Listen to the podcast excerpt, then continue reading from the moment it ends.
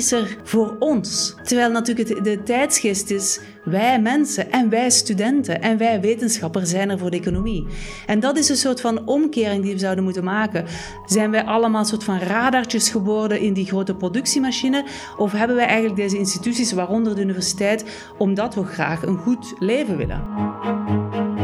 Grotere probleem in Nederland als we naar de universiteiten kijken is dat we er met een koopmansbril naar kijken. Wij denken gewoon aan wat levert dit allemaal op korte termijn op. En daarbij hebben we nog een soort van vertekende bril, want we snappen niet dat die alfa en gamma ook gewoon goed zijn voor de economie. En bovendien, dat vind ik persoonlijk het nog belangrijkere punt, het, het leven draait niet alleen om de economie. Dus je wilt ook gewoon dat onze democratie beschermd blijft. Dus het gaat niet alleen over krijgen we nieuwe technologische uitvindingen die we dan kunnen gaan vermarkten. Het gaat ook over uh, begrijpen onze eigen geschiedenis, begrijpen hoe onze democratie draait. Heel veel mensen binnen WO in Actie willen ook graag meer, een meer democratische universiteit. Je kan die dingen maar doen als je meer lucht in het systeem brengt. En dat vergt of minder werk of meer mensen om dezelfde hoeveelheid werk te doen, dus meer geld.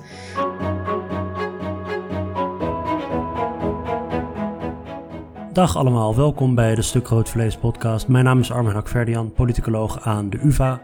Volg ons via Facebook of Twitter, @stukroodvlees of via www.stukroodvlees.nl.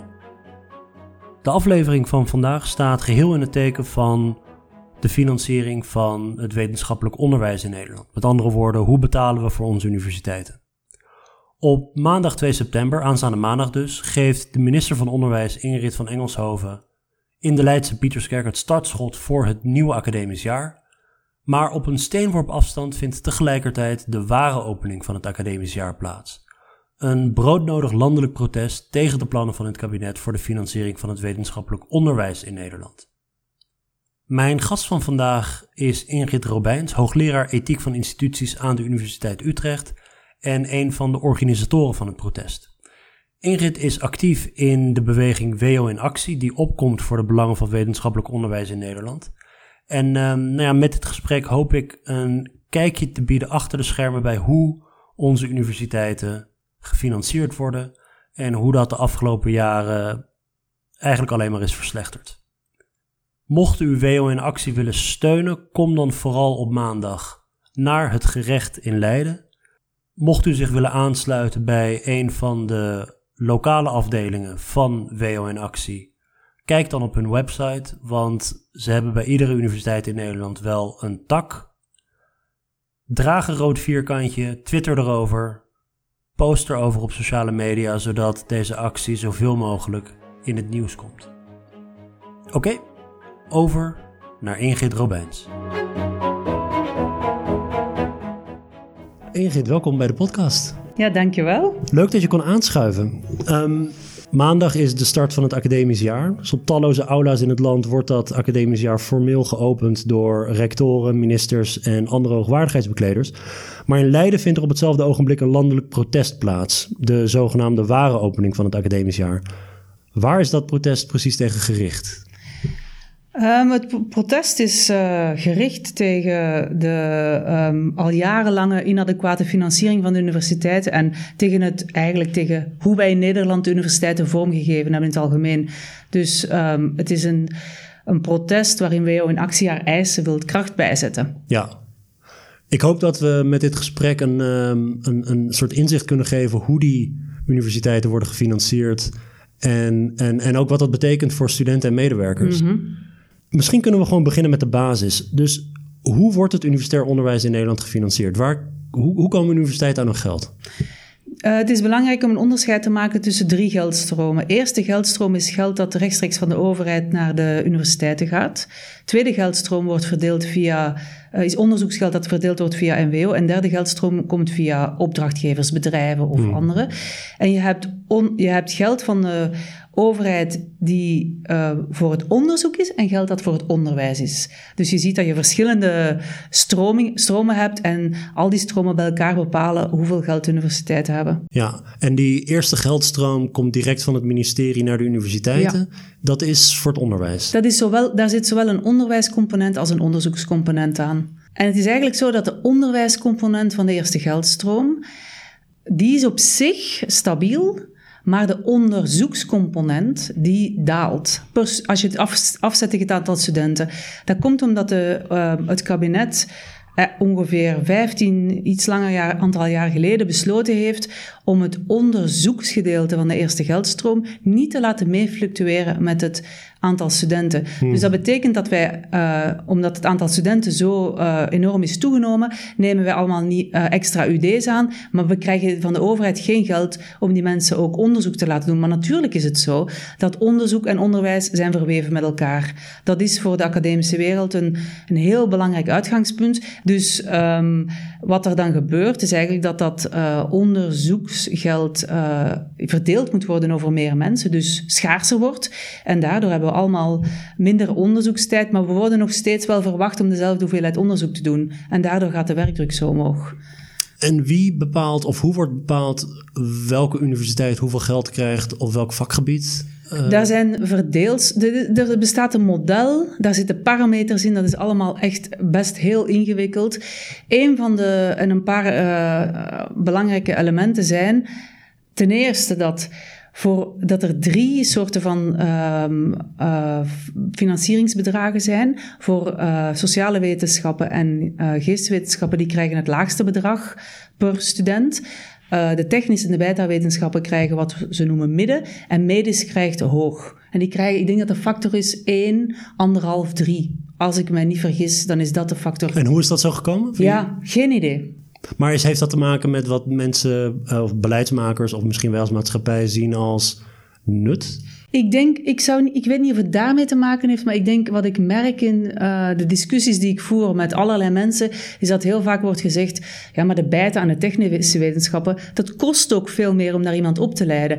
En um, omdat je hebt een lab nodig enzovoort. En ik denk dan, ja, je hebt inderdaad een lab nodig, maar je kunt uh, tegelijkertijd wel um, soms bijvoorbeeld theoretische vakken aan hele grote groepen geven.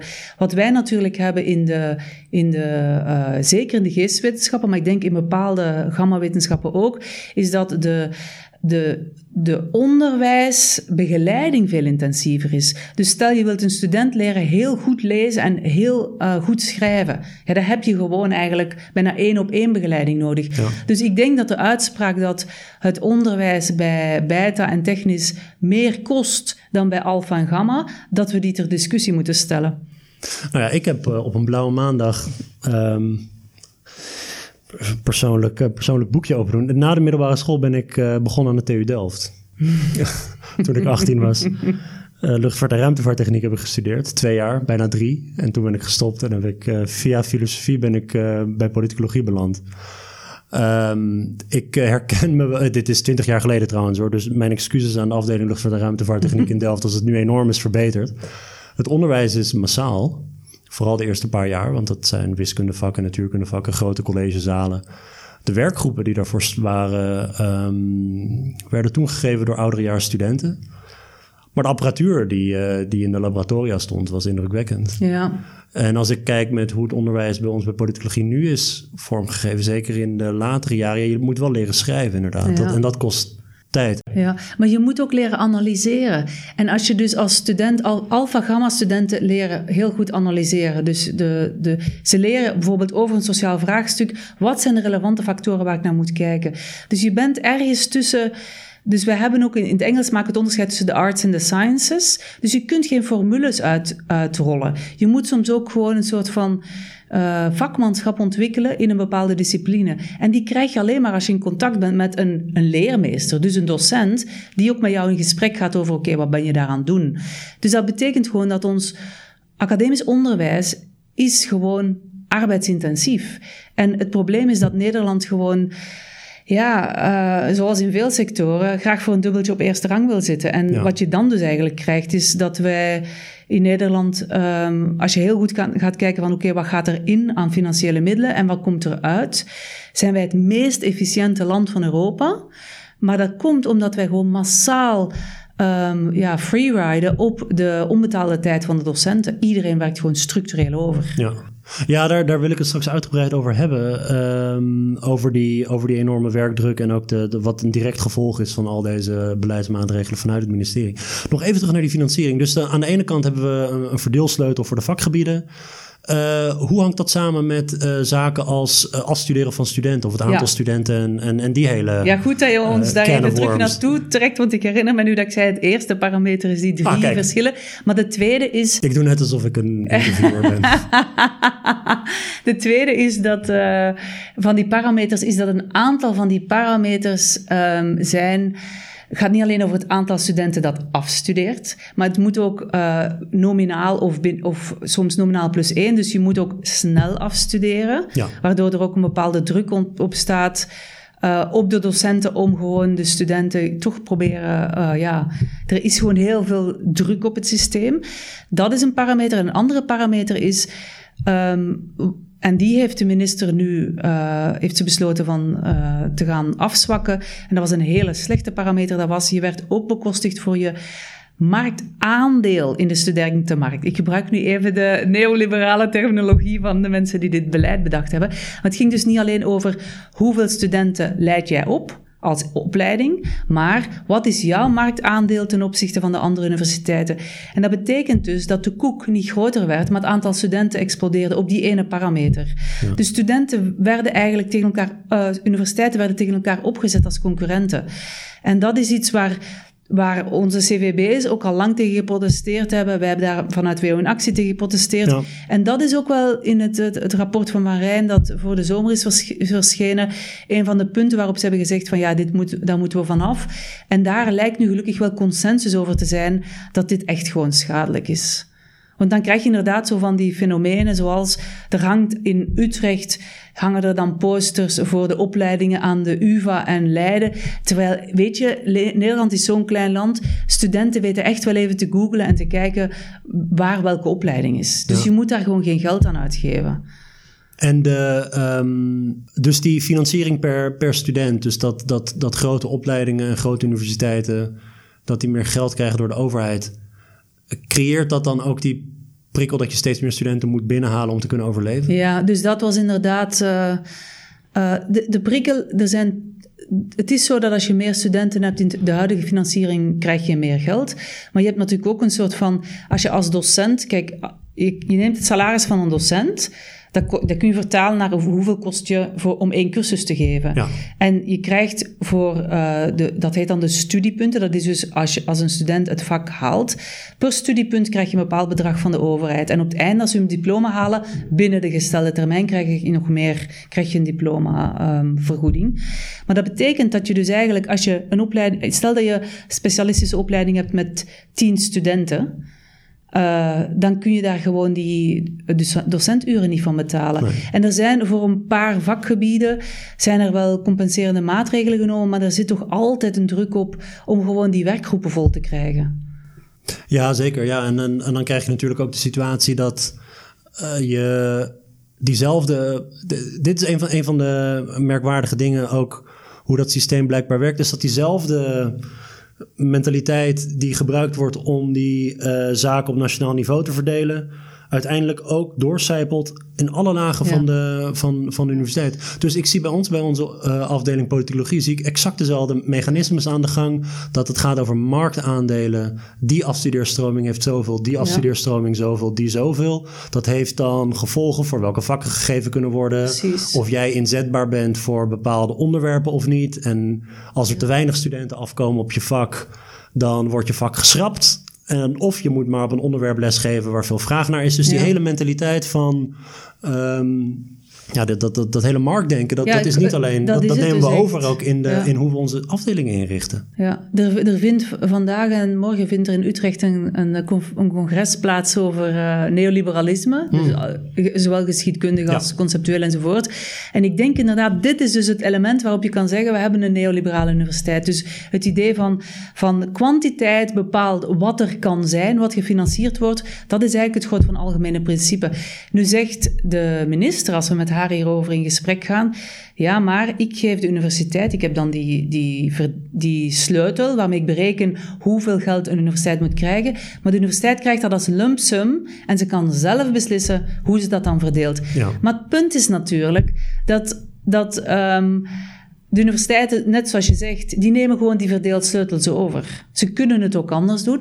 Het is wel zo dat bijvoorbeeld bij ons in uh, geesteswetenschappen Utrecht bestaat er wel een soort van, um, ja, dat bepaalde opleidingen andere opleidingen eigenlijk in de lucht houden. Dus dat er een soort van subsidiëring is. Maar ik denk dan soms, waarom zouden de grotere opleidingen, zoals geschiedenis of misschien ook wel filosofie, hele kleine opleidingen moeten steunen? Waarom vraag je dit niet van de hele universitaire gemeenschap?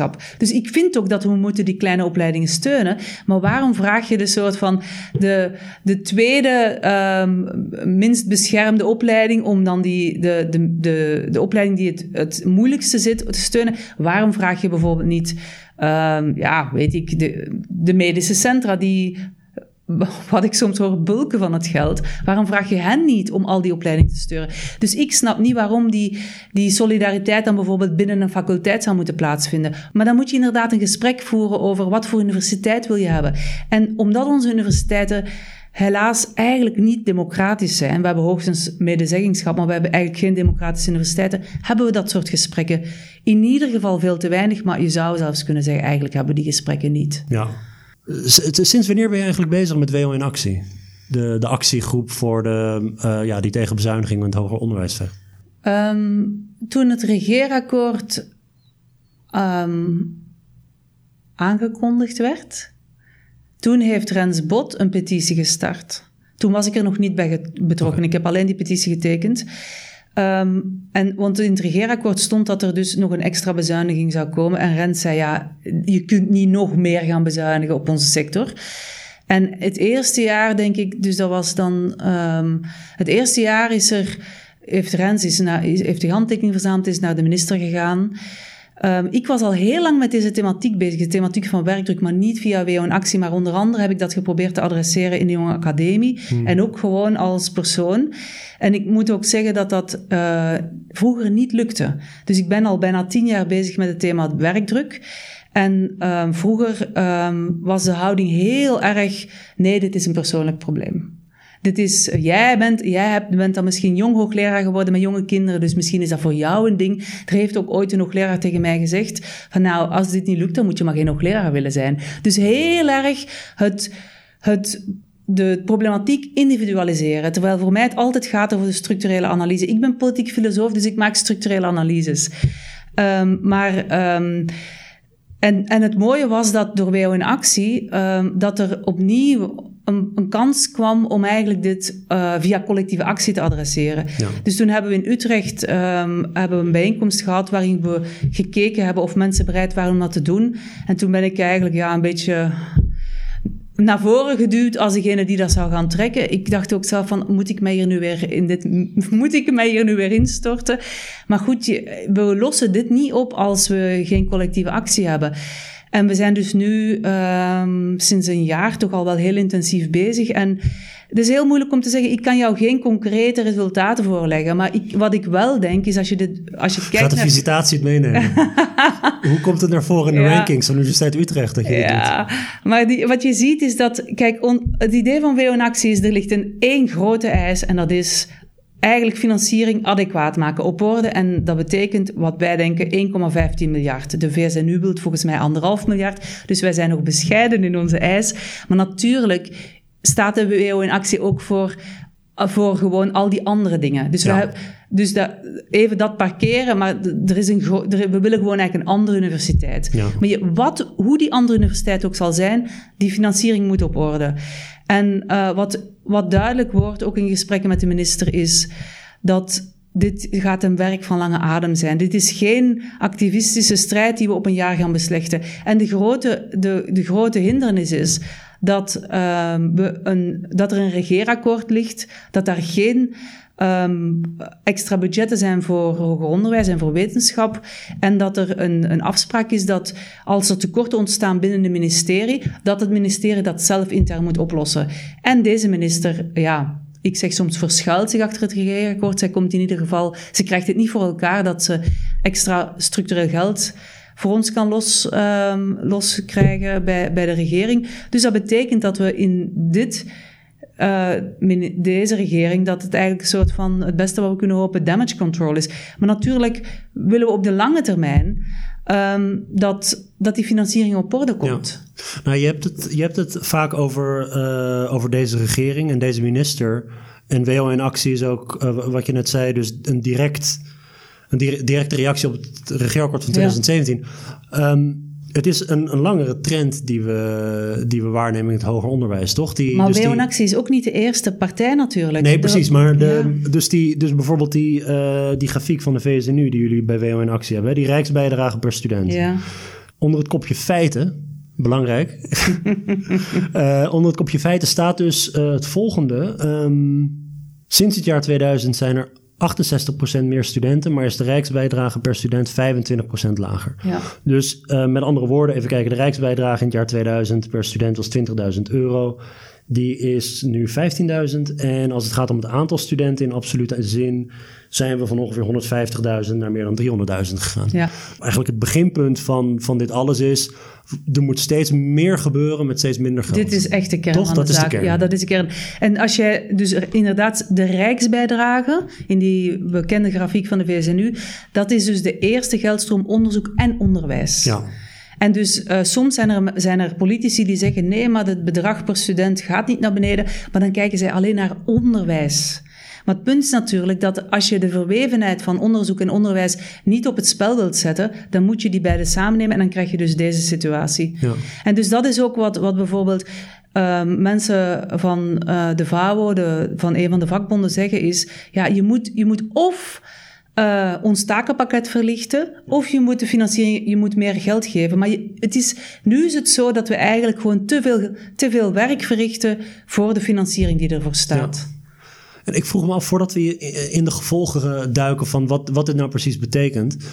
Uh, hoe verhoudt zich tot uh, dit, dit zeg maar, die, dat dubbeltje op de eerste rij willen zitten, mm -hmm. of steeds meer doen met uh, steeds minder middelen tot andere deelgebieden in het onderwijs, bijvoorbeeld primair onderwijs of in het voort. Ja. Zie, zie je dat daar ook, of, of zelfs in andere uh, gebieden van de publieke sector, in de zorg of zo, dat er steeds meer moet gebeuren met steeds minder geld? De, de, de theorie van het neoliberalisme is in dat opzicht interessant, omdat uh, die over de hele publieke sector gaat. En je, wat er natuurlijk gebeurt in het hoger onderwijs is dat de budgetten worden aangeschroefd. Dus we proberen met zo weinig mogelijk geld uh, publieke diensten te verlenen.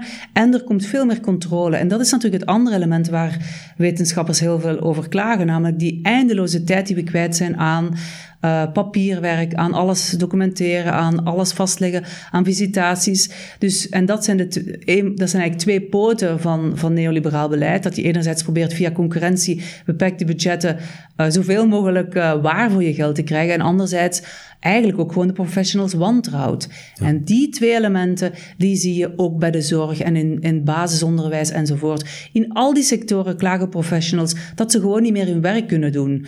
En in dat opzicht zijn wij eigenlijk gewoon één van de vele klagende partijen of partijen die gewoon protesteren.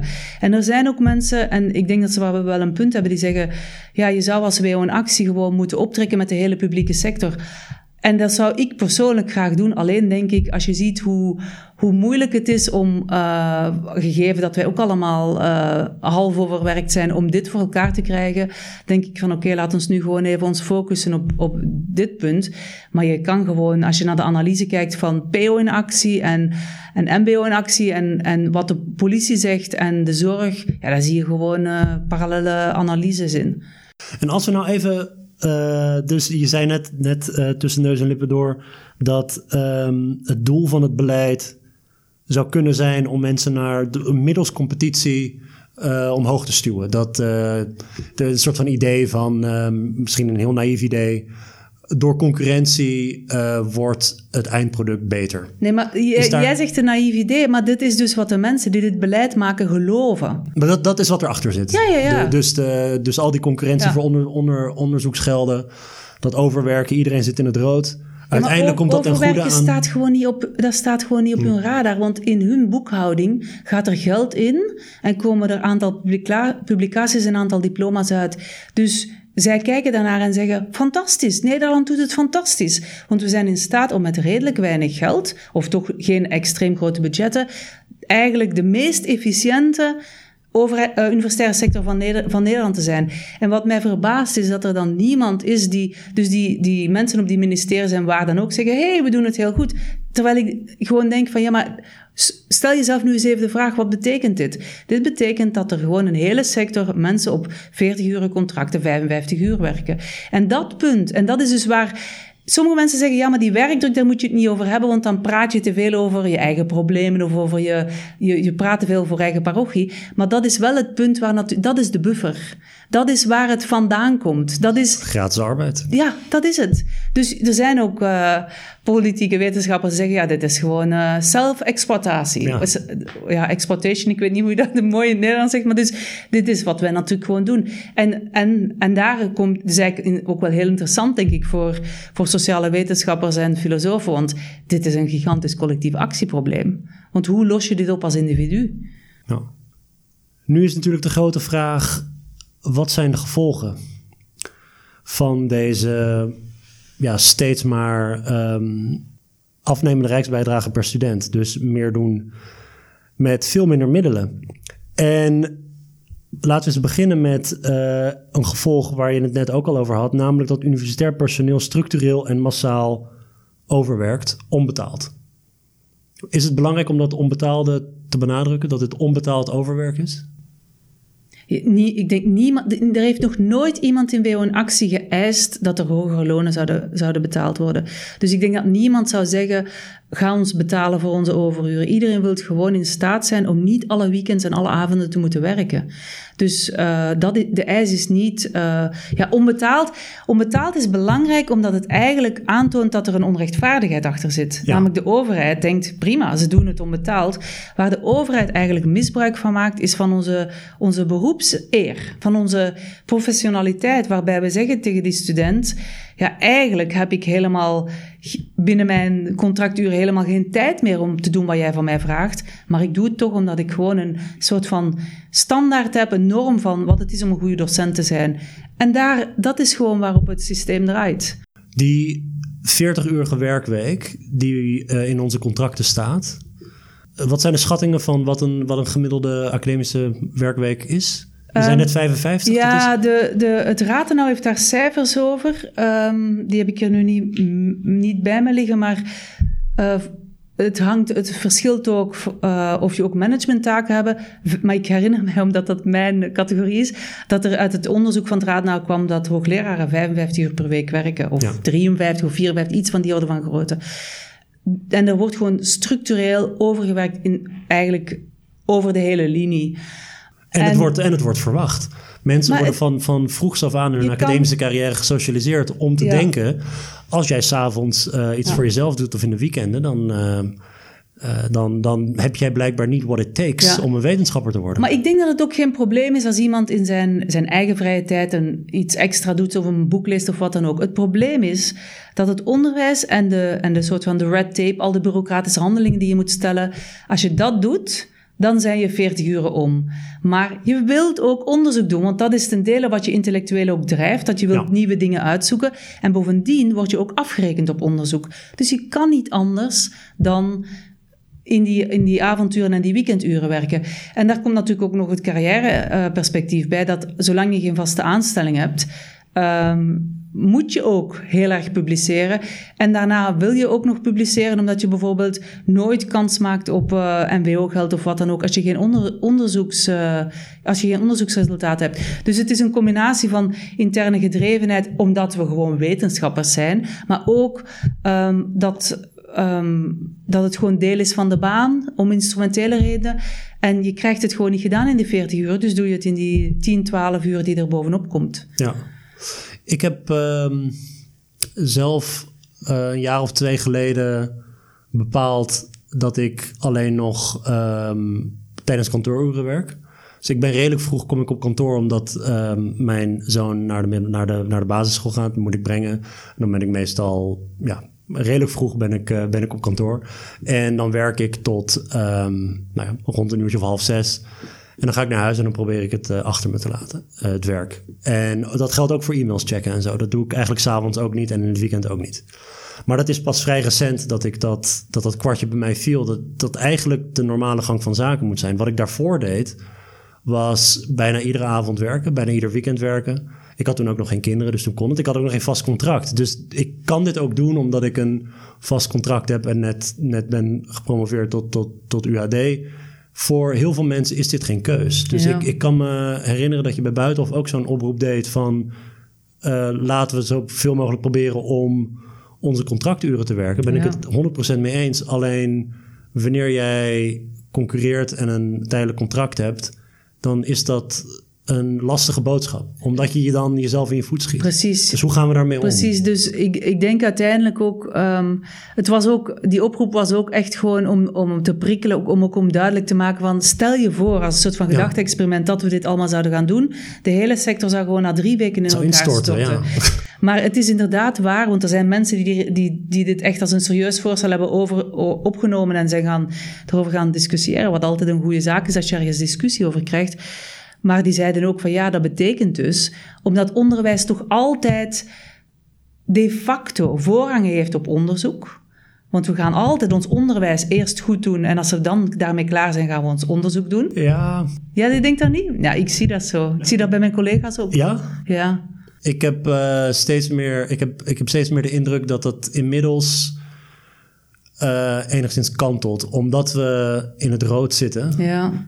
En omdat de concurrentie voor gelden en uh, posities op de arbeidsmarkt zo groot is dat onderwijs steeds vaker het ondergeschoven kindje ja. wordt. Ik denk wat ik wel zie is dat, en dat zie ik bij mezelf ook, is dat mensen het extra aan onderwijs dat ze dat steeds meer zeggen: nee, nu is het gewoon klaar. Of proberen minder uitgebreid commentaar te geven op papers enzovoort. Ja, ja precies. Dus Dat, dat is wat. Nee, dat eh, klopt. Maar het is wel zo dat je, um, als je denkt van hoe ziet mijn werkweek eruit, je gaat eerst je onderwijs doen en pas als je al die dingen hebt gedaan, die probeer je dan eventueel zo snel mogelijk te doen. Dan is er nog tijd voor onderzoek. En het probleem met die, witte, die zogenaamde witte staking is dat je dus vooral, zoals je net zegt, in je eigen voet zou schieten, want je zou gewoon niet meer of heel, heel weinig aan je onderzoek toekomen. Ja. Dus als je dan ofwel nog uh, geen vast contract hebt of geen baan hebt of uh, geen volledige baan hebt. Want we hebben ook collega's die gewoon vier banen van elk 0,12 procent hebben. Zo'n mensen lopen er gewoon rond in Nederland. En die zijn nodig, want die vervullen onderwijsbehoeftes. Dan, um, ja, dan schiet je inderdaad helemaal in je eigen voet. Dus ik denk zelf dat eigenlijk de strategie waar ik nu zelf ook mee aan gecommitteerd heb, is gewoon publiek protest. Dat je gewoon probeert echt toch de kern van de zaak op te lossen, namelijk die inadequate financiering door de, door de politiek onder druk te zetten. Het is denk ik van alle strategieën dat samen met wat onze bestuurders doen, namelijk uh, lobbyen en uh, diplomatiek overleg achter de schermen, die twee strategieën zijn denk ik de strategieën die we moeten bewandelen. Eh, een ander gevolg um, waar je het net ook over had, is dus dat docenten hun onderzoekstijd steeds meer voor onderwijs gebruiken. Uh, en nogmaals, sprekend vanuit mijn eigen ervaring aan onze afdeling en faculteit, uh, wat, wat uh, faculteit voor ehm, maatschappij en gedragswetenschap aan de UvA, daarbinnen het domein sociale wetenschappen en daarbinnen de afdeling politicologie. Daar wordt steeds meer ehm, eigenlijk gepleit om het academisch jaar in te korten. Ja om de onderwijstijd in te korten. Want de werkdruk is, loopt echt de spuigaten uit. En um, het collegejaar in Nederland is erg lang vergeleken met onze omringende landen. Wat vind je ervan om simpelweg te snijden in het aantal weken dat we uh, onderwijs geven? Er zijn meerdere collega's die dit bepleiten. Niet alleen aan, bij jou aan de UvA, maar, maar ook bijvoorbeeld bij ons. In Utrecht hebben we vier blokken van tien weken. En in die tien weken moet je een heel vak doen. En ja, er zijn allerlei problemen. Ik vind ook dat er een pedagogisch probleem is, namelijk dat voor bijvoorbeeld voor mastervakken, dat je gewoon, je geeft dan zeven weken les en dan heb je in week acht tentamen, in week negen kijk je na en week tien, of essays, en week tien uh, heb je een herkansing of zo je hebt geen tijd om het te laten bezinken. Je hebt geen tijd om wat extra dingen. Dus pedagogisch vind ik het sowieso ook een probleem. Maar het is inderdaad voor de werkdruk ook een heel groot probleem. En uh, wij willen blijkbaar de beste van de wereld zijn. Ja, ik ken het systeem in, in, uh, in Cambridge heel goed. Daar heb je gewoon drie keer acht weken. Drie keer acht weken en dan is het gewoon klaar. En in die acht weken werken mensen ook heel hard, maar ze krijgen ook gewoon daarnaast de ruimte om. Um, om um, een onderzoek te doen. En, maar wat wel is, is dat je ook wel verschillen ziet tussen universiteiten en ook eigenlijk binnen universiteiten tussen opleidingen. Dus bijvoorbeeld in mijn afdeling is het zo dat we echt erop waken dat de eerste week van juli de eerste paar dagen van juli kun je nog master, master um, scriptieverdediging hebben, dan is het klaar. En er wordt er gediscussieerd onder de docenten. Zullen we de laatste week van augustus herkansingen doen van scripties? En verder is er gewoon in de zomer niks. We hebben ook continue discussies over wanneer die scriptie-deadlines zou moeten zijn. Um, dat zijn uh, deadlines diep in de zomer. Ja, maar dan zou je dus eigenlijk gewoon tegen de student zeggen... In de, maar het idee is, en dat zeggen we ook tegen de studenten, is... De, vanaf de e-, eerste week van juli tot en met de laatste week van augustus... zijn docenten niet beschikbaar. Dat helpt. Maar goed, je hebt dan dus zes weken... Als je kinderen hebt, heb je zes weken kinderen. Dus het is ook niet, dit, dit, systeem is, en vaak zijn mensen gewoon ook uit, fysiek uitgeput. Dus het is gewoon een systeem dat niet werkt. Dus ik denk inderdaad, het, het inkorten van het academisch jaar zou, zou een goed idee zijn. Maar wij hebben gewoon ook een, een, een stelsel waarin we op een soort van economische manier uh, onderwijs um, verzorgen. Namelijk gewoon zo snel mogelijk die studenten erdoor. Ja. Dus ik denk ook, ja, er zijn ook mensen die zeggen, en ik denk dat daar ook wel iets van waar is, dat het ons academisch stelsel ook een beetje ja, verschoolst. Dus we hebben heel veel werkgroepen. Uh, continu wordt op studenten gecheckt of, al, of ze wel bij zijn. En dat, dat verhoogt natuurlijk ook de werkdruk. Dat dus, ontstaat wel ergens uit dat, uh, waar, waar, waar, je het net over had uh, aan het begin, dat, dat rendement. Als je studenten niet begeleidt, of als je gewoon een, als je een vak geeft acht weken, tien weken, hoe, hoe, lang het ook duurt. Aan het einde heb je één tentamen dat het rendement, rendement dan keldert. Dat je liever studenten... Uh, ja, dat, dat, je de toetsmomenten verdeelt. Dat je verschillende vormen van toetsing doet. Dat, dat wanneer er één misschien is goed in een tentamen leren, de andere is misschien goed in een schrijfopdracht, de andere in een. En dat dat. dat wanneer je het uh, alleen maar zou. Ja, als je het te veel verschaalt, dan win je misschien op tijd die je aan toetsen besteedt. Maar omdat het rendement dan misschien keldert, dat je je dan op die manier weer pijnigt. Ja, ik denk dat zeker dat, dat rendementsdenken is al heel vaak bekritiseerd. En dat, dat is denk ik deel van wat verklaart waarom wij zo'n lange, waarom wij zo'n lang academiejaar hebben. En ik denk dat dat een van de. Het is trouwens ook een van de maatregelen die wij in de vele gesprekken die we al gevoerd hebben met mensen van OCW en met de minister, die opgepikt is omdat het niks kost. Omdat ze denken dat het niks zou kosten. Ik ben er niet helemaal zeker van. Ja. Maar eigenlijk wil je gewoon rust in de tent. Je wil gewoon echt gewoon iets meer ademruimte, iets meer dat je kan leven en niet het gevoel hebt dat je geleefd wordt. En dat is, nu wordt, iedereen zit continu in, in, in die, die ja, treadmill en rennen, rennen, rennen, rennen. Ja. En ik denk, wat, wat ik toch ook wel belangrijk vind, is dat de, student, de, de leeftijd waarop de meeste studenten student zijn, is een hele belangrijke leeftijd in je leven waarin je ook um, je verandert. Je, je, je hebt met hele grote vragen des levens te maken over wat wil ik met mijn leven, uh, vaak zijn, worden mensen dan ook politiek bewust of ze gaan nadenken over grote maatschappelijke vraagstukken. Als jij zo opgeslokt, opgeslokt wordt door je studie, hoe kan je dan ruimte hebben om daarover na te denken?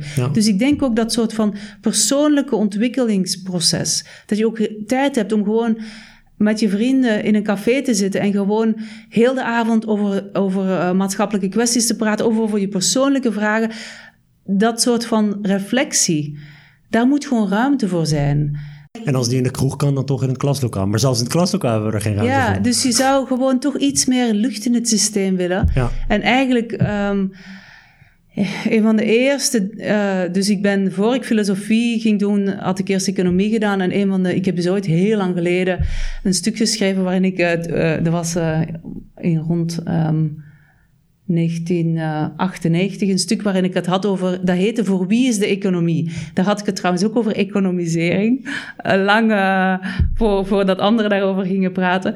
Maar een van de dingen die ik toen ook zei van, voor, wij, voor de economie is er voor ons.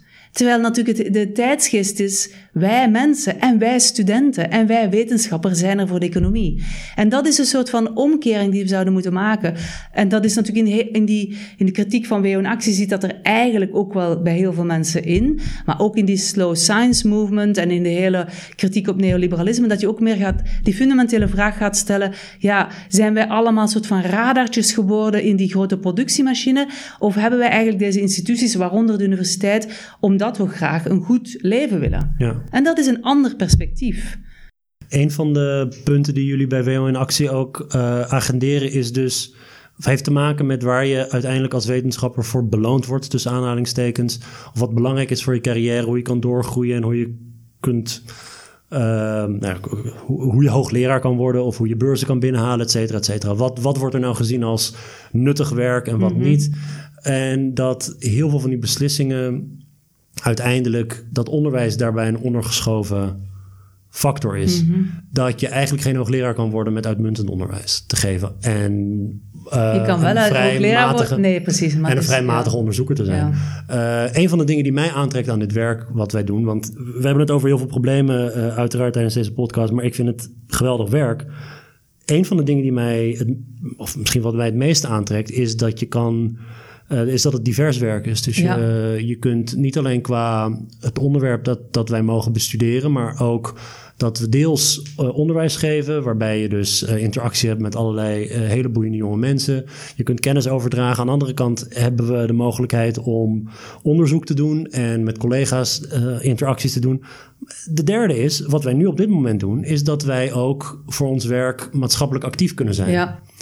En die maatschappelijke, ja, dat is een afschuwelijk woord, dienstverlening, uh, valorisatie. Nee, valorisatie vind ik nog veel erger dan dienstverlening. Dat is nog wel een erger woord. Um, dat, was, dat, werd, dat werd echt tot heel ja. recent, misschien nog steeds wel, gezien als tijdverspilling. Ja. Of als hobby. Ik bedoel, hoeveel mensen mij niet hebben verteld toen we begonnen met Stuk Rood Vlees over dat, dat hobbyblog. En is dat nou wel goede besteding van je tijd? En mijn medeoprichters met mij, het is niet, niet een blog voor mijzelf uh, uiteraard.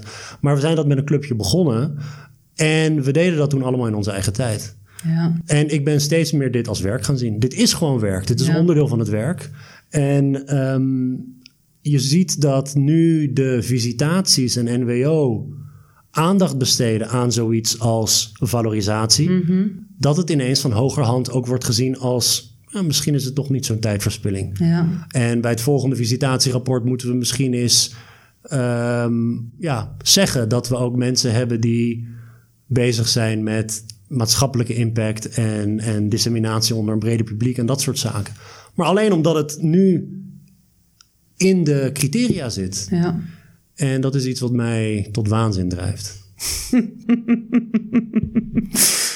ja, dat snap ik. Dus... Sorry, dat was even van mijn kant. Bedankt voor het luisteren. Nee, maar ik, ik, ik ben het helemaal met je eens. En ik denk ook dat daar wel dat we uh, niet over de universiteit als een soort van homogene groep kunnen praten. Want de meeste uh, van mijn collega's zijn heel actief in uh, participatie in debatten. Mm. Dus heel veel uh, van mijn collega's die geven lezingen. Wij hebben een filosofisch café, we hebben een dag van de filosofie. Wij, wij geven lezingen op middelbare scholen, wij doen van alles. Maar als ik dan soms dit met andere disciplines deel, dan, dan hoor ik inderdaad dat er blijkbaar ook afdelingen zijn waar echt bijna niemand dat doet. Dus ik denk dat, en waar mensen echt in zichzelf gekeerd zijn en niet bezig zijn met die, dat debat met de samenleving of kijken van wat kan ik leren van de samenleving, wat kan ik brengen naar de samenleving. Is er iets, een soort van interessante raakvlak met de samenleving? En ik denk dat we dus ook moeten opletten om uh, niet over de wetenschap in het algemeen te hebben, want ik denk dat het voor sommige Sommige wetenschappers deden dit altijd al. Ja, hoor, Ook als ze er ja. niet voor uh, beloond werden, zogenaamd. Ja, ja absoluut. Alleen ja. heb je wel gelijk dat nu, dat er dus aandacht voor is officieel, zie je dat meer mensen het gaan doen. Maar goed, aan de andere kant is het wel zo van. Het is misschien ook wel goed dat dat signaal wordt gegeven dat het belangrijk is. Ja. En bij onderwijs. Dus er wordt altijd gezegd: onderwijs is het ondergeschoven kindje. En ik denk ja en nee. Ja, in de zin van dat het, uh, dat het gebeurt dat mensen hoogleraar worden terwijl ze slechte onderwijzers zijn. Um, en je kunt eigenlijk gewoon geen promotie maken als je niet een sterk onderzoeks-CV uh, hebt. Dat ja. is toch overheersend. Maar misschien heeft dat ook met mijn eigen situatie te maken, maar ik zie toch vooral dat mensen altijd onderwijs in hun tijd, in dus beslissingen die ze nemen, de microbeslissingen, prioriteit geven. Dus het beeld dat soms geschetst wordt van uh, wat je ook hoort bijvoorbeeld uh, van politici soms van ja, wetenschappers zijn alleen maar geïnteresseerd in, in onderzoek doen. Ik denk dat dat gewoon niet klopt. Wij zijn gewoon, wij doen, heel veel wetenschappers doen gewoon hun onderwijs, proberen dat zo goed mogelijk te doen, maar zitten zo in een hoge drukketel dat ze, um, probeer, dat ze, dat ze dan zeggen, laat mij onderzoek doen, omdat het gewoon hen niet lukt binnen die, binnen die normale contracten. Ja. Dus even, ja, dat is een, denk ik een, een, en ik denk ook dat er ook gewoon uh, opnieuw hele grote verschillen zijn tussen individuen en tussen um, tussen afdelingen en misschien ook wel tussen disciplines. We hebben volgend jaar hebben we aan onze afdeling een onderzoeksvisitatie. Wat jargon is voor uh, uh, dat een externe commissie het uh, onderzoek evalueert. Ja. En dan moeten we dus inleveren wat we hebben gedaan de afgelopen vijf jaar. Nou, en dat, dat qua output, ja. dat heeft dan te maken met gepubliceerde artikelen in vaktijdschriften of boeken of allerlei, allerlei het, je kan het zo gek niet bedenken. Nou, wij zijn de afgelopen vijf jaar vrij actief geweest met een aantal collega's op dat blog. Uh, hoort er niet bij. Als ah, echt? Maar dat, maar dat is een keuze die eh. dan jouw afdeling maakt. Want wij hebben net onderzoeksvisitatie gehad. En al die uh, publieksactiviteiten stonden prominent in ons rapport. Die, die uiteindelijk zullen ze op een bepaalde manier in dat rapport belanden. Het overzicht dat ik moest invullen. Wanneer het ging over korte populariserende stukken. Wat een, een blog uiteindelijk, ons blog in ieder geval, probeert te, te zijn dat telt alleen mee als het in hardcopy was verschenen. Oh, dat is absurd. Ja, dat is echt absurd. ik heb nog even, ja, nou goed. Ja, um, stel dat we, we zijn in ons werk vaak bezig met uh, ook uh, onderzoek van anderen te evalueren. En reviews te schrijven en ons stuk, onze stukken naar vaktijdschriften te sturen. Stel je voor dat je een, uh, een stuk zou krijgen te reviewen dat zo'n methodologie gebruikt. Van dit is hoe wij kwaliteit meten in het hoger onderwijs, uh, et cetera. Dat zou geen enkel blad zou dat publiceren. En wanneer het gaat over ons eigen evalueren, het evalueren van ons eigen um, functioneren, zijn we zo laks met allerlei van die regeltjes die wij tot in de puntjes in ons eigen onderzoek proberen te verzorgen. Maar wanneer het gaat over het evalueren van ons onderwijs en het evalueren van ons onderzoek, nemen we de meest gekke beslissingen die niemand als methodologisch verantwoord zou beschouwen. En ik, ik word er gek van. Maar ik denk dat je die on, je kan bij die onderzoeksevaluatie ook gewoon echt vragen van wat levert dat nu op? Ja. Ik heb daar echt vragen bij of dit echt of dit iets oplevert en als het dan überhaupt al iets zou opleveren over het eigenlijk de enorme tijdsinvestering en dus ook en geldinvestering waard is. Ik betwijfel het echt ten sterkste. Bij onderwijs zou je nog kunnen zeggen want, want, bij onderzoek is het zo, het onderzoek ligt er gewoon. Mensen kunnen het gaan lezen. Je, we hebben allemaal een homepage, we zitten allemaal in die systemen Pure, waar dat we dat allemaal ingeven. Dus eigenlijk, waarom zou je nog moeten een, een, externe commissie hebben die vaak, dat zijn dan vaak internationale mensen die het Nederlandse systeem niet begrijpen. En dan moeten die gaan beoordelen en cijfers geven. Die mensen vinden dat ook helemaal moeilijk of onmogelijk. Dus daar denk ik moet ons echt de eerlijke vraag durven stellen: moeten we dit niet afschaffen? Bij onderwijsevaluaties denk ik ook dat er veel soort van ja, overbodig is. Maar je zou natuurlijk wel willen dat er een so voor, voor studenten een soort van onafhankelijke uh, check op de kwaliteit is. Maar de vraag is wel of het niet op een minder bureaucratische manier kan. Ja, die um, terug naar WO in actie. Die, uh, uiteindelijk heb je dus een situatie waarin de rijksbijdrage per student achteruit gaat. De gevolgen daarvan zijn uh, dat universitair personeel structureel en massaal overwerkt. Dat docenten hun onderzoekstijd gebruiken voor het onderwijs. Uh, ze werken aan hun onderzoek en een maatschappelijke impact in hun vrije tijd. Het is heel lastig voor met name junior onderzoekers, waarbij deze problematiek nog eens een keer vergroot wordt. Wat moet er dan anders? Wat zijn de eisen van WO in actie? WO in actie eist, um, als ik het als een principe formuleer, adequate financiering voor alle disciplines. Dus, um, en we hebben berekend dat dat 1,15 miljard is, structureel, die zou moeten uh, toegevoegd worden aan de per eerste, jaar? Ja, per jaar voor de eerste geldstroom. Um, de VSNU vraagt zoals ik al zei, anderhalf miljard. Dus wij zijn bescheiden in wat we vragen, zou je kunnen zeggen. Maar dat is natuurlijk. Wij willen uiteindelijk willen we ook gewoon uh, een hoop van de andere problemen die we hier besproken hebben in deze podcast, willen we ook aanpakken. Dus je wilt gewoon een betere universiteit. Um, dus je wilt minder, je wilt meer vertrouwen in de professionals. Je wilt ook gewoon dat die, dat vraagstuk over onderwijs en, en onderzoek, hoe waardeer je dat, dat dat uh, in balans komt. En ik denk ook dat we moeten echt de concurrentie in de universiteiten verminderen. Meer nadruk op samenwerking, dat is iets wat trouwens nu ook opgepakt wordt door ook de VSNU. Ze wil daar ook in die richting in een beloningssysteem uh, uh, evolueren. Maar, de, maar onze eis blijft toch 1,15 miljard, omdat al die andere dingen die we zouden willen veranderen, heel veel mensen binnen WO en Actie willen ook graag meer, een meer democratische universiteit. Je kan die dingen maar doen als je meer lucht in het systeem brengt. En dat vergt of minder werk of meer mensen om dezelfde hoeveelheid werk te doen, dus meer geld. Dus daarom dat onze kerneis is lange termijn, structurele uh, verhoging van het budget voor de universiteit met 1,15 miljoen. Dat gaat niet gebeuren de komende jaar of anderhalf jaar of twee jaar. Zeker niet in deze regering. Dus wij moeten met WO in actie een lange, een lange strijd voeren. En ja, eigenlijk is de vraag hebben we de adem om dit uit te houden. En daarvoor hebben we eigenlijk alle wetenschappers en studenten nodig om, om zich aan te sluiten en, en die strijd uh, samen te voeren. Want het gaat ons allemaal aan. En nu kwam daar nog eens een keer in het voorjaar de zogenaamde Commissie van Rijn overheen. Ja, zucht. Ja, we hadden dus al die uh, structurele onderfinanciering die al sinds het jaar 2000 bezig is. Dan hadden we de doelmatigheidskorting van dit kabinet en dan kwam er nog ergens een korting, omdat dus OCW intern moesten gaten dichten in de begroting.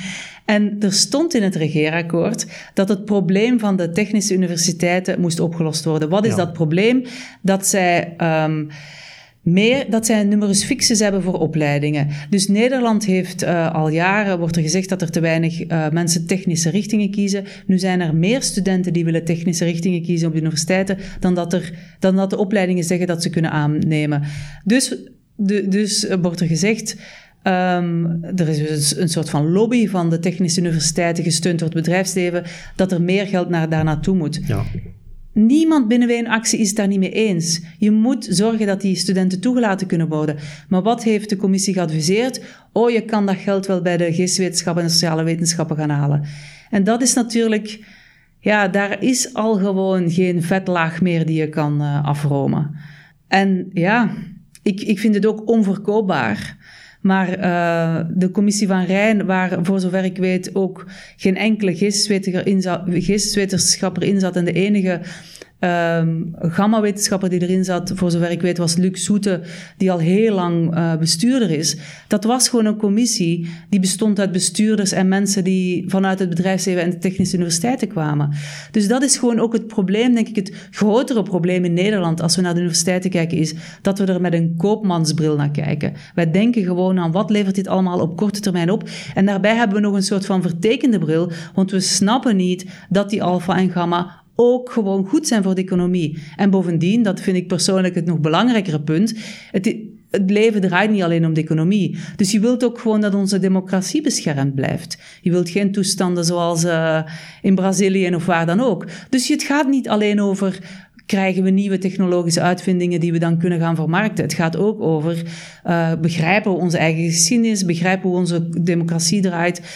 Uh, al die soort vragen. En waarom zitten de medische wetenschappers in het verdomhoekje met ons? Want daar, wordt, daar wordt ook wel, uh, dat, dat geldt naar, de, van, uh, van naar beta en techniek, Klopt. komt van social science humanities en de medische. Ja, er wordt soms gezegd een beetje medische wetenschappen, omdat die, die hebben al sowieso een veel groter uh, deel van de koek in het algemeen. Dus als je naar de, de algemene universiteiten, die dus een medisch centrum hebben, als je daar gaat kijken naar de begroting, zie je vaak gewoon dat de helft van de begroting is gewoon het, het uh, medisch centrum.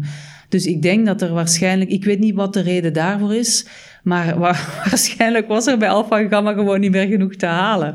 Maar ja, dit is gewoon echt super cynisch. Ik, ik moet ook zeggen, het, het grappige... Wat, wat, het is ook moeilijk om niet cynisch te worden als ja, je het ziet. nou ja, weet je wat wel interessant is, is dat WO in actie... Um, er zijn um, wetenschappers die eigenlijk wel sympathie hebben voor onze analyse, of die het eens zijn met onze analyse en die sympathie hebben voor onze eisen, maar die het heel moeilijk vinden om zichzelf als activist te zien. Die vinden toch dat er een soort van uh, ja, spanning bestaat tussen de wetenschappelijke attitude, attitude en dat je dan activist zou kunnen worden ergens. Ehm, volgens mij is dat een, een denkfout, maar goed. Ehm, en er waren dus mensen die wel achter de eisen van WO in actie stonden, maar eigenlijk zich niet committeerden. En die zijn, zijn nu gewoon boos geworden. Die hebben nu gezegd, we hebben letterlijk mensen gehad die zeiden van, het voorbije jaar was ik, was ik sympathisant, zeg me nu gewoon wat ik moet doen. Dus WO in actie is eigenlijk, heeft uh, meer wind in de zeilen gekregen door uh, dat deze deze, het weghalen van uh, die gelden van, zoals de commissie van Rijn had aanbevolen, ja, is een soort van de categorie adding insult to injury. Ja, dus die, Wij zijn een soort van collateral damage voor het feit dat de vier TU's en daarachter het bedrijfsleven al jarenlang lobbyt voor meer geld voor de technische opleidingen. Ja, uh, er, er was op een gegeven moment onduidelijkheid over of er onder de streep bij de universiteiten zwarte of rode cijfers zouden staan. En uiteindelijk kwam het ministerie naar buiten met cijfers waaruit bleek: hé, hey, kijk, iedereen gaat erop vooruit hoor. En op een gegeven moment kwam de VSNU met herziene cijfers, waaruit precies bleek dat de technische universiteiten zwarte cijfers kregen en heel veel algemene universiteiten uh, rode cijfers. Waar, waar zat hem dat in? Um, ja, dat, daar durf ik nu, daar kan ik eigenlijk, als ik eerlijk ben, niet op, op uh, antwoorden, omdat ik op dat moment dat het allemaal naar buiten kwam met andere dingen bezig was. Maar wat mij wel in het algemeen is opgevallen uh, met de, de cijfers die van het ministerie komen, is er wordt echt enorm uh, ja, gegoocheld met cijfers. En ook in de discussies die wij uh, individuele wetenschappers, maar ook vanuit WO Actie het voorbije jaar gevoerd hebben met um, de, vooral uh, mensen van D66, die toch eigenlijk rond hun minister gaan staan en haar proberen te verdedigen, is dat er zo vaak um, dingen worden gezegd die eigenlijk gewoon niet kloppen. Dus bijvoorbeeld, een van de dingen die Paul van Menen uh, herhaaldelijk zei, hij had de portefeuille wetenschappelijk onderwijs die nu ineens onverwacht overge overgegaan is op um, iemand anders. Hij zei altijd, de universiteiten hebben geld zat, het ligt er op de planken. Maar als je dan vroeg aan de financieel directeur van de universiteit, zei ze nee, dit geld moeten we reserveren voor het onderhoud van de gebouwen. Want de universiteiten hebben um, een, een tijd terug, al, al twintig jaar geleden of zo, hebben ze de gebouwen gekregen, maar werden ze er ook verantwoordelijk voor. Hebben we gebouwen nodig? Ja. hebben we geen Kunnen gebouwen we? nodig? Nee.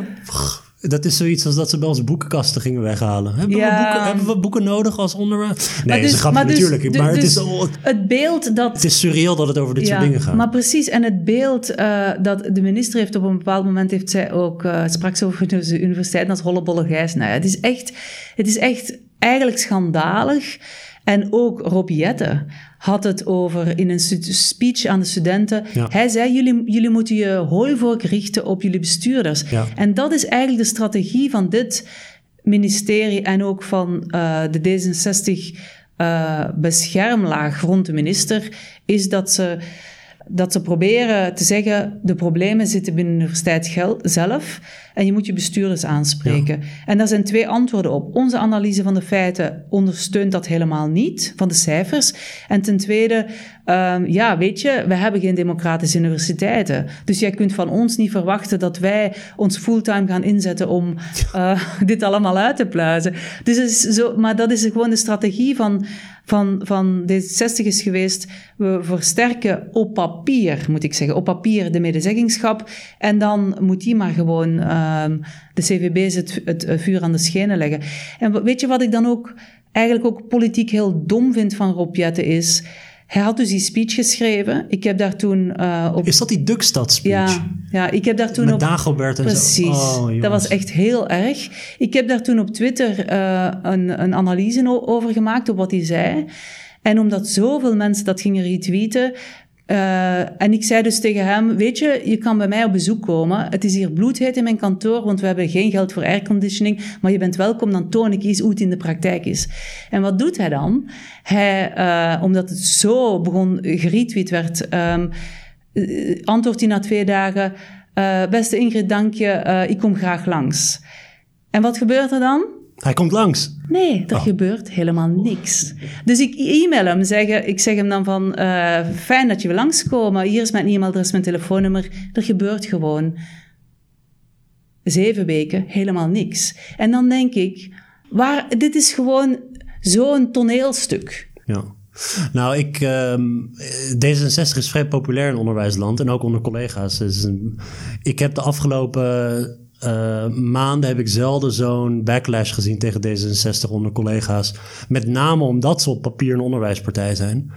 En wat zij in, dit, in deze kabinetsperiode doen met het. Uh, nou goed, het hoger onderwijs is. is ik, over andere vakgebieden weet ik niet, maar het hoger onderwijs heeft kwaad bloed gezet. En ik denk dat dat. Ja. Nou, of het blijvende schade aan hun, uh, aan hun achterban onder wetenschappers doet, weet ik niet. Maar ik, ik zie wel een felheid onder collega's. Hoe ze reageren op deze plannen, met name van Rijn, dat nog bovenop al die andere drek komt, die ik eigenlijk niet vaak zie, ja. zelden zie eigenlijk. Ja, het is natuurlijk zo dat D66 niet te benijden is in deze coalitie, denk ik. Ja, ik weet niet. je rolt met je ogen, maar... Nou ja, ja ik, ik, kijk, niemand dwingt ze om in de coalitie nee, te gaan. Nee, dat klopt. Maar goed, ik zal je of even... een grote mond te hebben over het onderwijs. Ja, ik zal je even mijn, mijn speculatie op tafel leggen van wat ik denk dat er, dat er hier is gebeurd. D66 is inderdaad de onderwijspartij, maar zij wouden natuurlijk ook iets met het klimaat doen. Mijn uh, ervaring of mijn interacties met VVD'ers zijn dat de overgrote meerderheid van hen helemaal tot voor kort in ieder geval totaal niet gaf om het klimaat. Um, ik heb ooit een persconferentie bijgewoond in de Nieuwspoort waar ik de vraag stelde aan uh, uh, um, woordvoerders. Dat was toen iemand van de Groene Liberalen. En de eerste wat die meneer zei was, wij, wij houden niet van pessimistische verhalen. Ja, ik bedoel, als de waarheid er grim uitziet en het klimaat gaat naar de knoppen, ja, dan... Dus ik, mijn vermoeden is dat, maar ik ben geen, ik bestudeer dit soort processen niet, ik kijk hier alleen naar als burger, is dat D66 gewoon heeft ingezet op op het klimaatakkoord. En dat dus al de rest gewoon niet de prioriteit is. Maar goed, de schade is natuurlijk wel groot. Ja. En je kan natuurlijk wel zeggen van, um, dat signaal krijgen we ook soms van, uh, kijk, je krijgt dus nu die commissie bekostiging die dan, die ook geadviseerd is in het rapport van Rijn, die echt eens zou gaan uitzoeken van, wat kost het hoger onderwijs ons nu en wat zou een adequate financiering zijn? Wat een hele belangrijke vraag is. Maar en het idee is dan, maar ja, als we daarop het antwoord hebben, kun je dan misschien bij de, in de volgende regering die adequate financiering gaan uh, realiseren. Maar wie zegt dat D66 in de volgende regering zit? Dus ik denk ook van ja, het, is, het zijn allemaal hele schimmige beloftes. Ja. Even terug naar de uh, protesten. Dus op maandag is de ware opening van het academisch jaar, zoals jullie dat noemen, uh, in Leiden, waar de minister tegelijkertijd het academisch jaar opent. Um, op, een, op een steenworp afstand. Een, letterlijk een steenworp ja. afstand. En wat nou. Ik bedoel, als ik, als ik um, mijn indruk van de commissie van Rijn en de, uh, de wissels, zoals ze dat zelf noemen, die omgezet worden, is dat de sociale wetenschappen en de geesteswetenschappen nog meer in de verdrukking komen, zijn er nog extremere maatregelen denkbaar dan een protest? Uh, ja. Zoals een daadwerkelijke staking. Ja, het is heel goed dat je die vraag stelt, want bij de WN-actievergadering eind juni of begin juli uh, is dit ook besproken. En eigenlijk is de vraag gewoon, is, bestaat daar draagvlak voor? Dus een van de redenen waarom we deze uh, ware opening organiseren, is om duidelijk te maken naar de politiek um, wij, wij accepteren deze maatregelen niet. Ook, we hebben gewoon heel interessante sprekers. Die, gaan, die zijn ook allemaal lezingen aan het maken. Dus die gaan denk ik ook ons interessante inzichten delen. Maar ook om gewoon uh, iedereen nog eens bij elkaar te brengen en duidelijk te maken, wij zijn WO in actie. En met wij bedoel ik niet die mensen die daar op het podium staan of die dit georganiseerd hebben, maar iedereen die komt. WO in actie is gewoon het veld. Dus als daar voldoende bereidheid bestaat dus als WO in actie groeit, dan kunnen we ook misschien iets anders gaan doen dan alleen maar betogen en protesteren. Maar je hebt, wat je wel nodig hebt is het inzicht, uh, ironisch genoeg, uit de sociale wetenschappen en de filosofie, namelijk dat dit een uh, gevangenendilemma is. Ja. De, en dat je dus collectieve actie nodig hebt waarin iedereen ziet dat je moet eigenlijk tegen je eigen belang ingaan. Je gaat je namelijk moeten inzetten. En dus je moet bepaalde tijdsoffers brengen en inspanningen doen voor het collectieve goed. Wat in dit geval ook nog onzeker is. Ja. Als je dat inzicht niet hebt, dan kan je mensen niet mobiliseren. En ik denk, ik, ik opende deze ochtend het uh, congres over neoliberalisme. En een van de punten die ik daar ook maakte was. Dat uh, om dus neoliberaal beleid te veranderen, heb je ofwel een andere verkiezingsuitslag nodig, of je hebt uh, protesten nodig of uh, publieke debatten en inderdaad dingen zoals betogingen of ja, protesten. En, maar daarvoor moeten mensen zichzelf wel als burger van, in dit geval, de academische gemeenschap zien. Maar wij zien onszelf zo niet. Wij zien onszelf als werknemer, als de studenten zien zichzelf eigenlijk als consumenten. Dus je krijgt gewoon een soort van economisering van al onze rollen. In plaats van dat wij onszelf ook zien als politieke actoren. Dus eigenlijk als we ons als ons zelfbeeld ook zou veranderen, maar dat zelfbeeld is heel erg beïnvloed door de soort van ja, het ideologisch tijdsgevricht waarin we zitten, dan zouden we een grotere kans hebben om, om, om, um, om hier ook uh, ja. ja. iets voor elkaar te krijgen. Dus het is ironisch dat we eigenlijk een soort van, dat de, de soort van zelfbeeld dat, dat het tijdsgevricht propageert, maakt het moeilijk om iets te doen aan het ideologisch overheersende beleid van het tijdsgevricht. Ja. Eh, helemaal tot slot, als mensen willen bijdragen aan WO in actie, hoe kunnen ze dat dan doen? Um, in ieder geval maandag om drie uur naar het gerecht in Leiden komen. Als je niet kan komen uh, en je hebt een sociaal media account, Twitter of Facebook, kun je ook gewoon zeggen, uh, jammer dat ik niet kan komen, maar ik steun WO in actie. Dat is ook denk ik al belangrijk om die steun uit te spreken. En elke universiteit, bijna alle universiteiten, misschien niet allemaal, maar bijna alle universiteiten hebben een lokale WO in actiegroep. En die contactpersonen staan gewoon op de website. Dus die kan je gewoon aansluiten. Ingrid, heel erg bedankt voor je, voor je tijd. Ja, dankjewel. En nog belangrijker, heel erg bedankt voor alle uh, werk die je verricht we gaan op gewoon dit, eh, verder. op dit onderwerp, zeker. Eh, u bedankt voor het luisteren. Ehm, mocht u in de gelegenheid zijn maandag naar het gerecht in Leiden te komen, vooral doen. Bedankt voor het luisteren en tot de volgende keer.